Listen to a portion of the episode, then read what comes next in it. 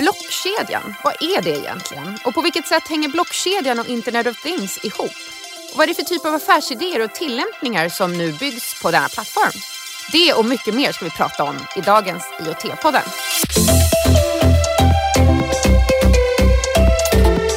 Lisa Reiler, kommunikationschef på Reilers. Vi tycker att IoT-podden är viktig för att den förmedlar de möjligheter IoT erbjuder. Jag heter Mats Lundqvist och jag är VD för Telenor Connection. En av de största möjligheterna med IoT är möjligheten att ändra ett företags affärsmodell genom att gå från produkt till tjänst. Jag heter Lina Gallov och jag jobbar på Elmia Subcontractor som är Sveriges största industrievent för inköpare och produktutvecklare inom tillverkningsindustrin. Vi stöttar IoT-podden för att i år breddar vi mässan och satsar extra på Internet of Things. Hej och varmt välkomna till det nionde avsnittet av IoT-podden. Det här är en podcast som görs i regi av Ny Teknik. Jag heter Paulina Modlitba Söderlund och är programledare för den här podcasten. Och med mig, vid sidan av mig, så har jag numera en, en helt ny person. Jag har Per Danielsson som är nytillträdd, relativt nytillträdd chefredaktör på Ny Teknik. Välkommen Per! Tack så mycket. Hur känns det? Ja, det känns fantastiskt kul. Har du spelat in podd någon gång tidigare? Nej, det har jag nog inte gjort. Nej. jag har varit med i radio ett par gånger. Så. Ja, så helt ovan är du inte än? Nej. Berätta, vad, hur har det varit för dig att bli chefredaktör på Ny Teknik?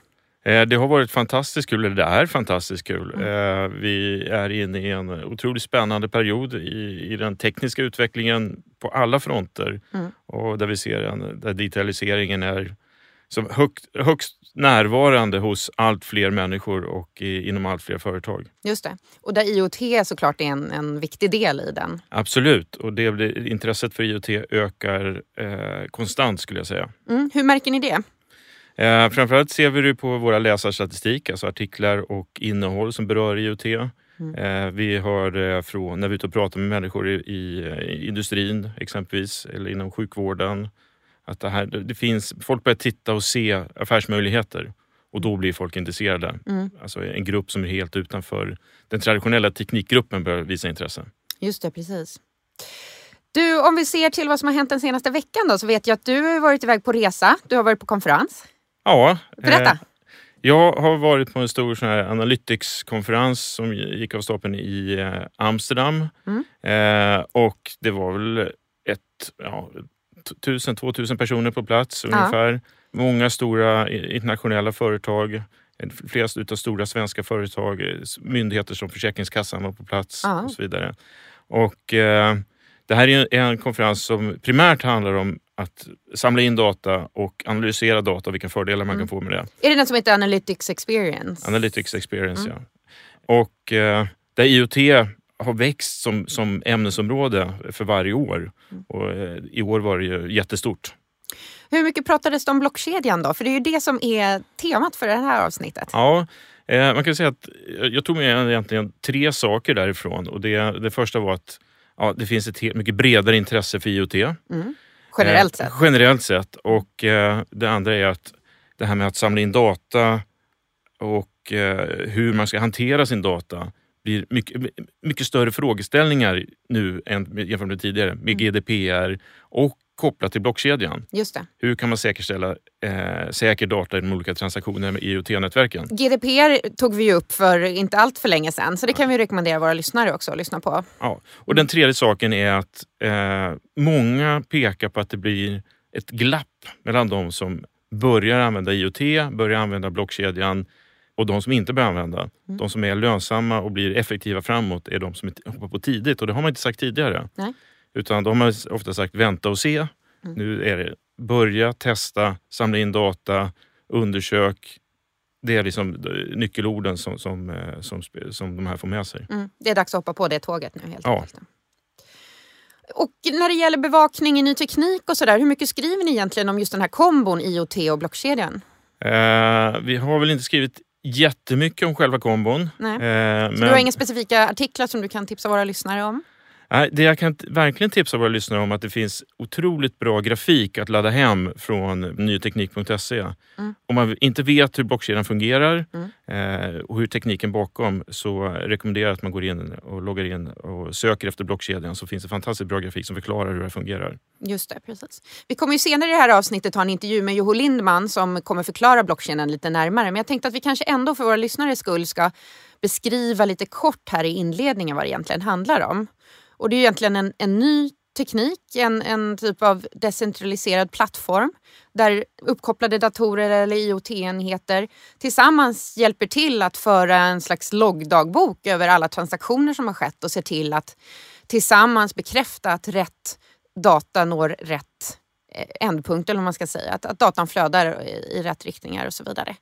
Det är väl kort sammanfattat vad det handlar om. Sen finns det ju massor med olika aspekter av det här och olika tillämpningar av det. Och vi ska ju komma in på några av dem lite senare. Men Ja, som sagt, det är inte så jättemånga som har börjat tillämpa det här. Alltså, kommersiella bolag till exempel som har börjat tillämpa det här på riktigt. Men man ser ju att, ändå att det håller på och bubblar.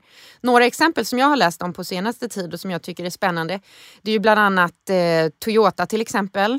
Och också andra bolag som, har självkör, alltså, som aktivt bygger självkörande bilar. För där kan ju blockkedjan också spela en väldigt viktig roll i att, att eh, återigen då säkerställa att datan eh, når rätt platser och så vidare. Och, och ur ett säkerhetsperspektiv också. Att inte de här självkörande bilarna kan hackas hur som helst. Men det jag tycker är intressant är att blockkedjan kan spela en roll här på många olika områden. Att man även håller på och tittar på att tillämpa det för bilförsäkringar då, i, eh, i samband med det här. Ja, och sen så har du ju även Lantmäteriet som kör ett jätteprojekt med eh, inför försäljning av bostäder och fastigheter och mark. Där man kan säkerställa verkligen vem som äger marken och hur stor den är och att rätt, det, man, ja, rätt parter pratar med varandra helt enkelt. Just det, exakt. Så mäklare kanske inte alls kommer behövas i framtiden. Ja, så kan det vara. Här kan, han kan ju faktiskt köpa och sälja, sköta hela processen själva. Ja, och man ser ju det att blockkedjan kommer ju säkert leda till att det är många mellanhänder som, som kommer att bli redundanta i alla fall i, i, i vissa avseenden. Exakt. Ett annat exempel som jag har eh, tittat på det är IBM som också eh, tittar på blockkedjelösning men då framförallt för logistikbranschen. Och det är också någonting, eh, någonting som det skrivs en hel del om. Att säkerställa att gods är på väg till rätt destination och så vidare. Och att man hela tiden automatiskt loggar vad som sker. Och att sensorer i de här fallen faktiskt spelar en, en viktig roll. Absolut.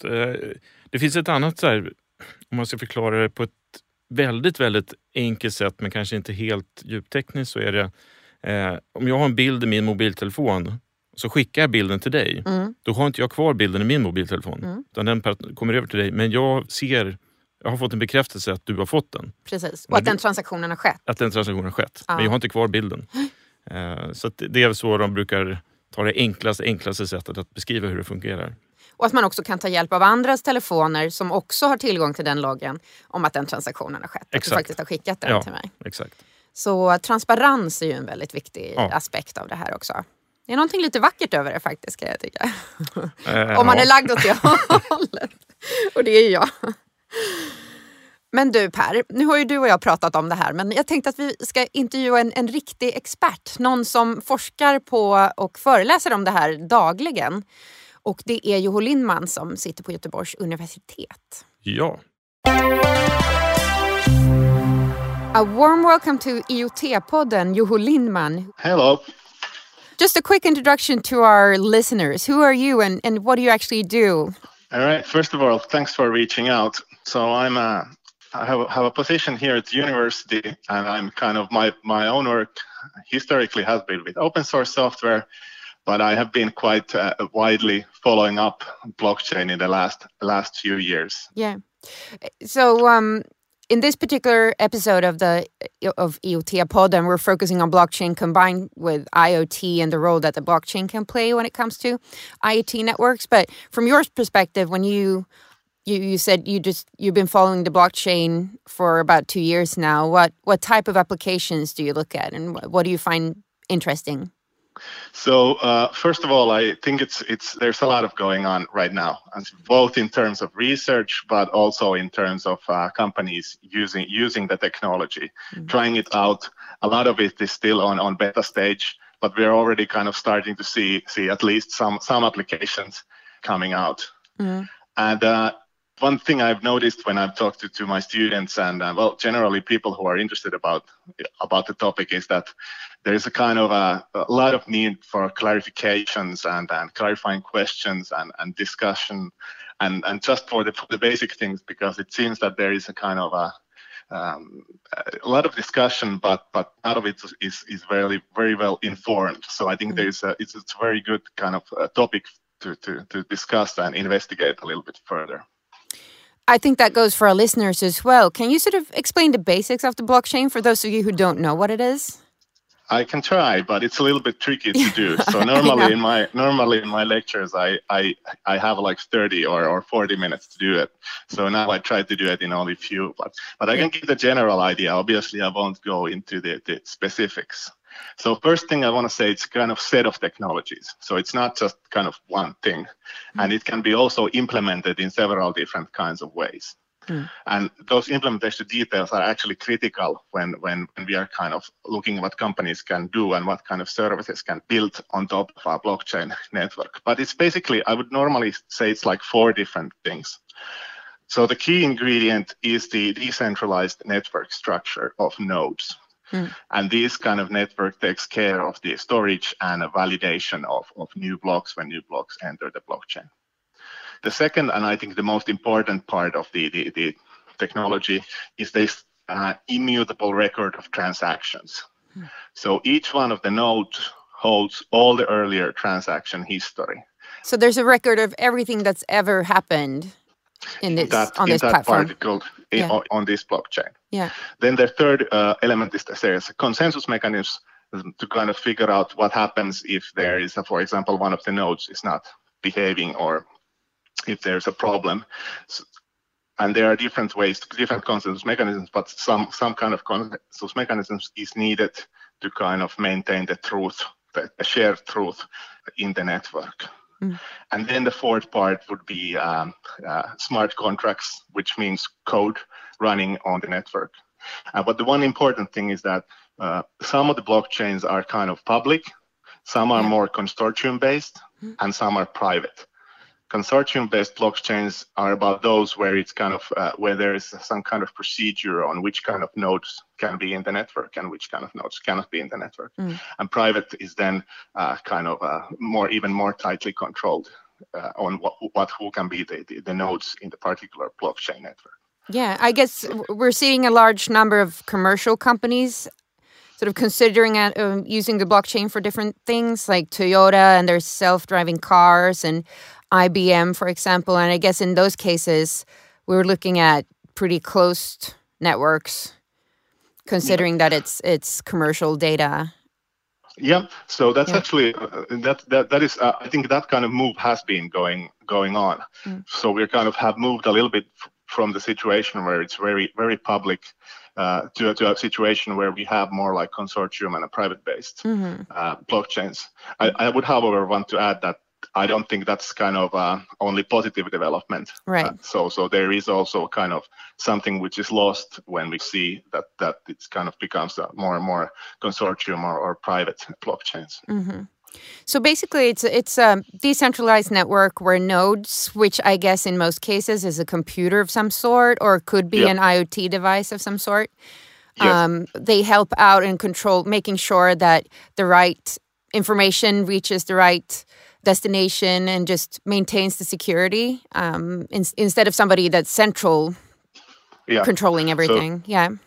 So that's the that's the basic idea, and, and there has been a lot of kind of discussion on this. Mm-hmm. So the idea of the peer-to-peer network is that you would be uh, not need a central trusted authority to run it, right? But the trust would be kind of serviced in a lot more decentralized or, or, or networked way. Right, exactly. And so when it comes to uh, an IoT context, which is the focus in this podcast. Yep.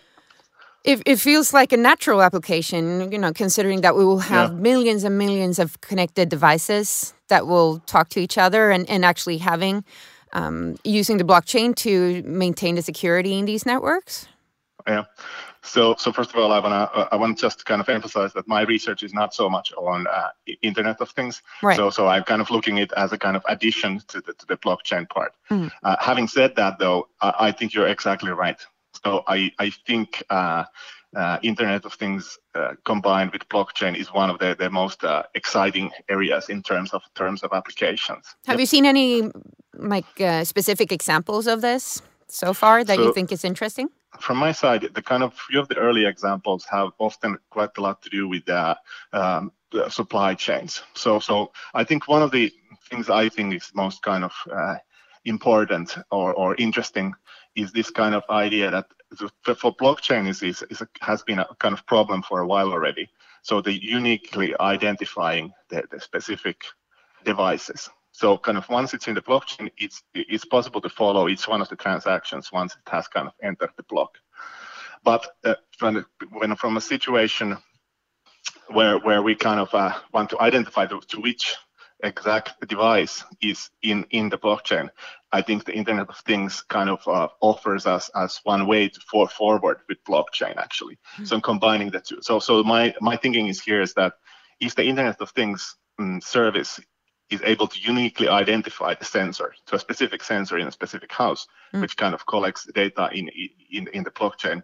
There's a, this kind of uh combination actually solves one of the, the, the issues which at least few of the blockchain in, uh, we've had previously. Uh, so solves the problem that we've had seen in the in the in the blockchain space. So one of the examples, kind of early examples that has been used quite a lot, would be uh, to put a, basically a sensor to put a sensor to a container and then kind of kind of smart container uh, traffic thinking. So you put the sensor to the container Uh-huh. and then the sensor kind of uh, broadcasts and stores to blockchain uh, block everything that kind of goes on with the container. So, for example, if there is at some point some disagreement on what happened with the container, it is possible to go through the history and kind of see, for example, temperatures or, or, or the movements of, of the container. Do you see when it, when it comes to the blockchain? Do you see any sort of um, interesting things happening when it comes to business development uh, and new businesses being? So being I- think we're yeah, very good question. Uh, I think what we are currently seeing a lot of companies is that they have a lot of things on their beta stage. So they're testing out, they're piloting, they're trying to figure out the use cases, and uh, it's it's very exciting place to be actually because it kind of uh, we are already seeing some of some uh, areas where I could very easily see that that these are going to be used at quite wide scale. So so so so um, supply chains would be one of them. Mhm. Uh, maybe tracking origins, another maybe something to do with kind of following up on, on uh, uh, for example, uh, authentication and, and land registries and such things. We have kind of already seen at least some prototypes or some some services running. But I think we're going to see a lot more of them actually in the future. Yeah. So if you look into the future, speaking of the future, what are you most excited about, like when it comes to um, to new So in- innovations connected to this? Um, in the space of, of combining the, the blockchain and Internet of Things, I think somebody called the blockchain of things.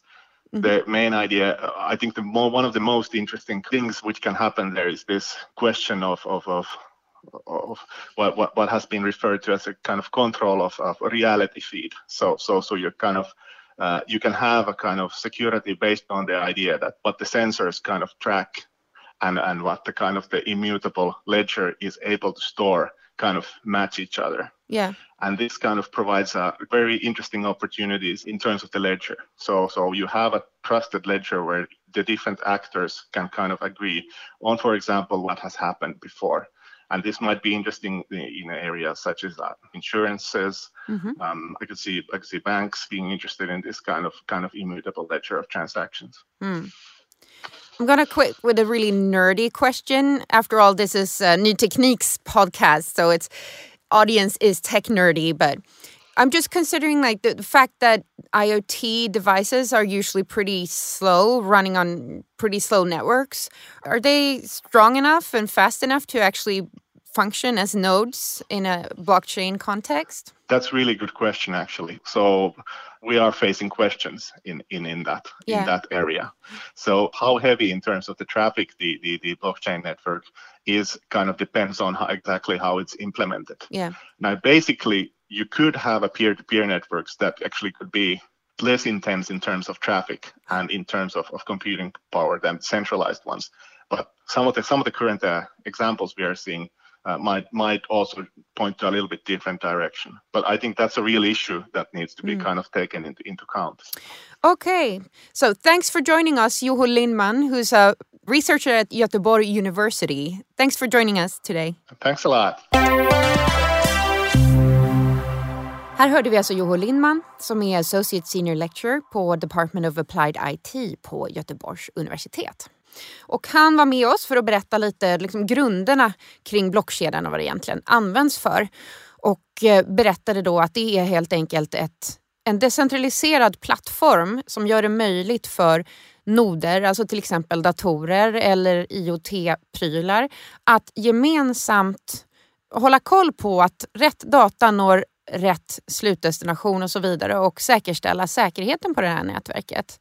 Säkerställa att transaktionerna går rätt till. Och det som är unikt för blockkedjan också att det hela tiden förs en slags loggbok i de här noderna. Då, så att alla transaktioner som någonsin har skett finns noterade i den här loggboken. Och det här passar ju perfekt i IoT-nätverk där det är miljontals prylar som är uppkopplade mot varandra och enorma mängder data som flödar emellan dem. Eh, och att säkerställa att om det är någon av dem som blir hackad eller som beter sig på ett konstigt sätt så, så kan den noden uteslutas på ett enkelt sätt. Men också bara se till att, att man har koll på vilken data som flödar hur och så vidare. Eh, och det här kommer vi ju, jag har börjat experimenteras på det just nu. Inga kommersiella exempel än så länge vad jag förstod på just den här tillämpningen. Men jag är säker på att vi kommer se det inom en snar framtid. Du Per, det känns som att det här avsnittet kanske är ett av de som ligger längst fram i tiden. Det märktes lite när vi skulle leta personer och intervjua till avsnittet att det inte är alla som ännu känner sig redo att faktiskt prata om det så för att det inte finns så mycket tillämpat än. Men hur, hur tänker du liksom kring det här ämnet framöver och från, när det gäller er bevakning av ämnet? Ja, alltså vi kommer ju följa utvecklingen eh, noga eh, och vi ser att det är ett stigande intresse, om än inte lika stort intresse för, som till exempel för andra ämnen som elbilar eller solenergi.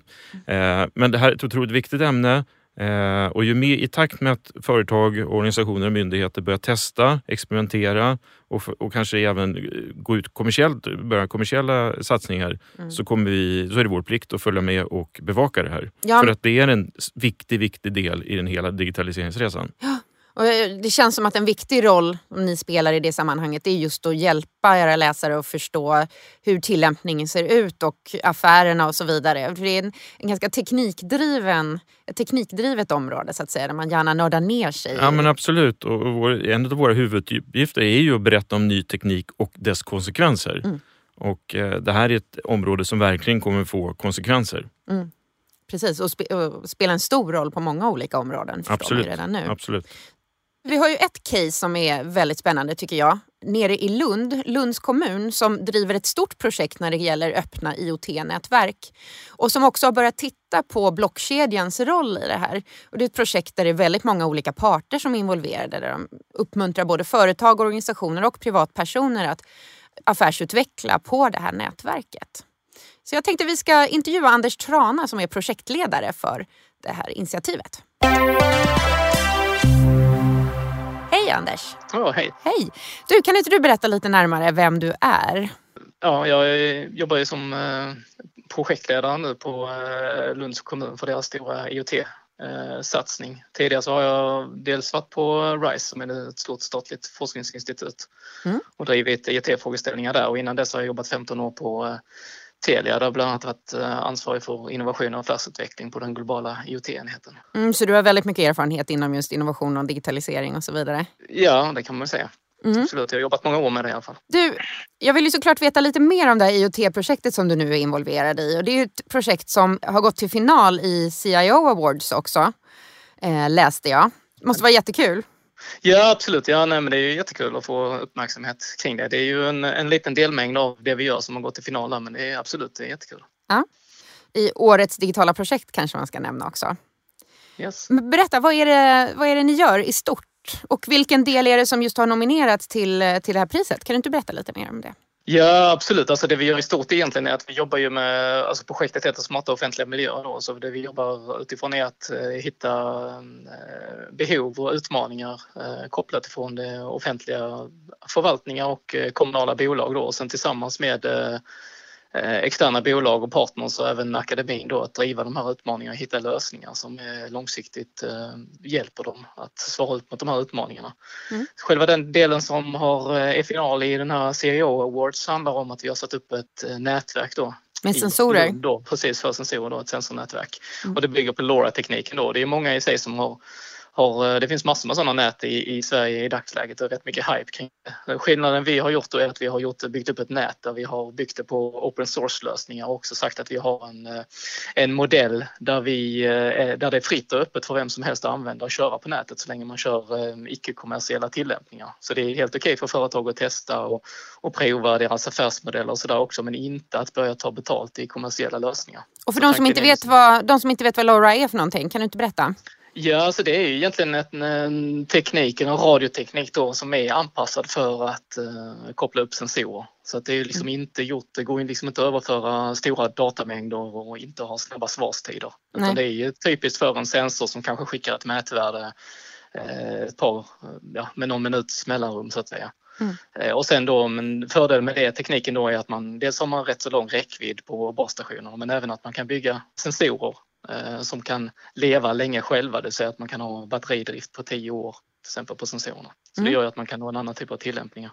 Ja men precis. Varför har det varit viktigt för er att det ska vara ett öppet nätverk? Ja, så vi är ju egentligen, det vi vill göra är ju att inte bara stimulera Lunds kommuns aktiviteter utan även få igång och stödja SME och entreprenörer att komma igång, att testa och se liksom hur deras affärsmöjligheter kan utvecklas med hjälp av IoT. Mm. Eh, Så för oss handlar det mycket om att försöka skala av alla trösklarna då, alltså ta bort så många trösklar som möjligt att få, få dem att testa och få dem att komma igång och ge dem stöd att komma igång. Har du några konkreta exempel? Jag tror jag läste om någon vinodlare utanför Lund som har börjat använda sig av det här. Ja, precis. Det är, ju, Mm. nej, det är ett exempel att det är en vinodlare som har kopplat upp sig på, på nätverket då för att hålla koll på, eh, jag tror det är mycket väderparametrar de håller det. koll på. eh, Jag visste inte ens att det fanns vinodlare i Lund. Men det gör det. Nej, det är mycket, mycket man får lära sig. Det finns många grejer i Sverige som man inte har riktigt koll på. Men Nej, absolut, precis. det, går väl i, eh, hand i hand med klimatförändringarna. Ja, men precis. Så det är luftfuktighet och temperatur och sådana saker som man vill mäta? Ja, precis. Ja. precis. Och sen vet jag att det har funnits andra case där man mäter till exempel eh, krypgrundar till exempel och mäter fuktighet kring det. Mm. Att man sätter in sensorer för att mäta det. Det är någon som har gjort sådana tillämpningar. Nu tittar vi på tillsammans med renhållningsbolaget att eh, mäta olika typer av eh, eh, avfallssystem ute i staden då för att de ska hålla koll på eh, och förbättra sina tömningsrutiner och så vidare. Det. Eh, Så det finns, det finns ett, en uppsjö olika grejer som börjar komma igång här nu. Och vi har även startat så att vi kör igång workshoppar där vi bjuder in både bo, stora bolag men framförallt SME och entreprenörer för Mm. att de ska komma igång och lära sig liksom använda tekniken. Du, ämnet för den här, just det här avsnittet av IoT-podden det är ju blockkedjan och hur blockkedjan kan användas i IoT-sammanhang. Mm. Har ni inkluderat blockkedjan och det tänket någonting i just det här projektet? Ja, så kan man säga, vi har, hittills har vi ju inte eh, jobbat med det då eh, utan däremot har vi haft, eh, vi haft diskussioner i projektkonsortiet kring det för vi har ju partners då som är intresserade av att titta på de här frågeställningarna. Ja. Det är, ett, det är ett relativt stort projekt som vi jobbar med så jag menar Laura är en liten bit av det. Sen har vi massa andra överföringstekniker som vi kommer också köra i den här testbädden som vi bygger upp i Lund. Mm. Då. Och där har vi ju partners, bland annat till exempel Ericsson är ju med en partner då som diskuterar hur vi skulle kunna använda blockkedjetekniken Mm. för att eh, säkerställa att, eh, att informationskedjan hålls intakt så att säga. Ja. Kan du specificera det lite mer? Hur, hur går diskussionen där? Då? Ja, alltså egentligen har det varit, det har varit relativt löst att säga på hög nivå när vi diskuterat hur man skulle kunna titta på hur, hur kan vi vara säkra på att eh, en datakälla och att ingenting har manipulerats på vägen så att säga. För nu handlar det ju framförallt om att vi ska börja dela data mellan olika aktörer. Mm. Eh, Så vi tittar ju även på hur vi kan etablera en dataplattform på toppen där vi har dels kan dela data mellan olika förvaltningar i kommunen till exempel men även också eh, bolagen ska kunna dela datakällor mellan varandra och då vill det till att man kan li, lita på de här värdena, att de kommer från den aktören de säger att den är och att mätvärdena stämmer med det de är så att säga. Så att man agerar på rätt beslut. Så det, är ju, det är ju en viktig parameter att kunna säkerställa att mätvärdena verkligen är korrekta om man ska börja ta beslut på dem. Jag tror inte ni är ensamma där. Det känns som att det generellt sett är ett område som folk har börjat titta på men inte så många som vet hur de faktiskt praktiskt skulle eh, mm. tillämpa det så att säga. Nej, men precis, att intresset absolut. finns och att man... Ja. Mm. Och vi har ju ett case där det, eftersom vi kommer då börja generera rätt mycket data som vi samlar i en gemensam eh, databas, skulle man kunna kalla det då, så finns det ju liksom möjligheter för de aktörer som är intresserade av att titta på den här typen av teknikerna att se hur det kan fungera då mm. i praktiken så att säga. Mm. Det är ju ändå kul att höra att det här, det här är en, en ett önskemål och ett intresse som liksom drivs av parterna som är involverade och som redan använder er plattform så som den ser ut idag. Så att det är någonting som bubblar och håller på att komma. Liksom. Ja, absolut. Det är jättekul och det är, jag tycker som sagt vi försöker liksom vara öppna nu och titta liksom på olika mm. lösningar hur vi kan applicera dem på bästa sätt och då är det ju Finns den här typen av teknik och den är liksom, uh, fungerar även i det här sammanhanget så absolut, det är någonting vi vill prova och se hur vi kan använda det på mm. bästa sätt. Tack så jättemycket Anders för en liten snabb inblick i vad som händer i Lunds kommun kring öppna IoT-nätverk. Tack själva.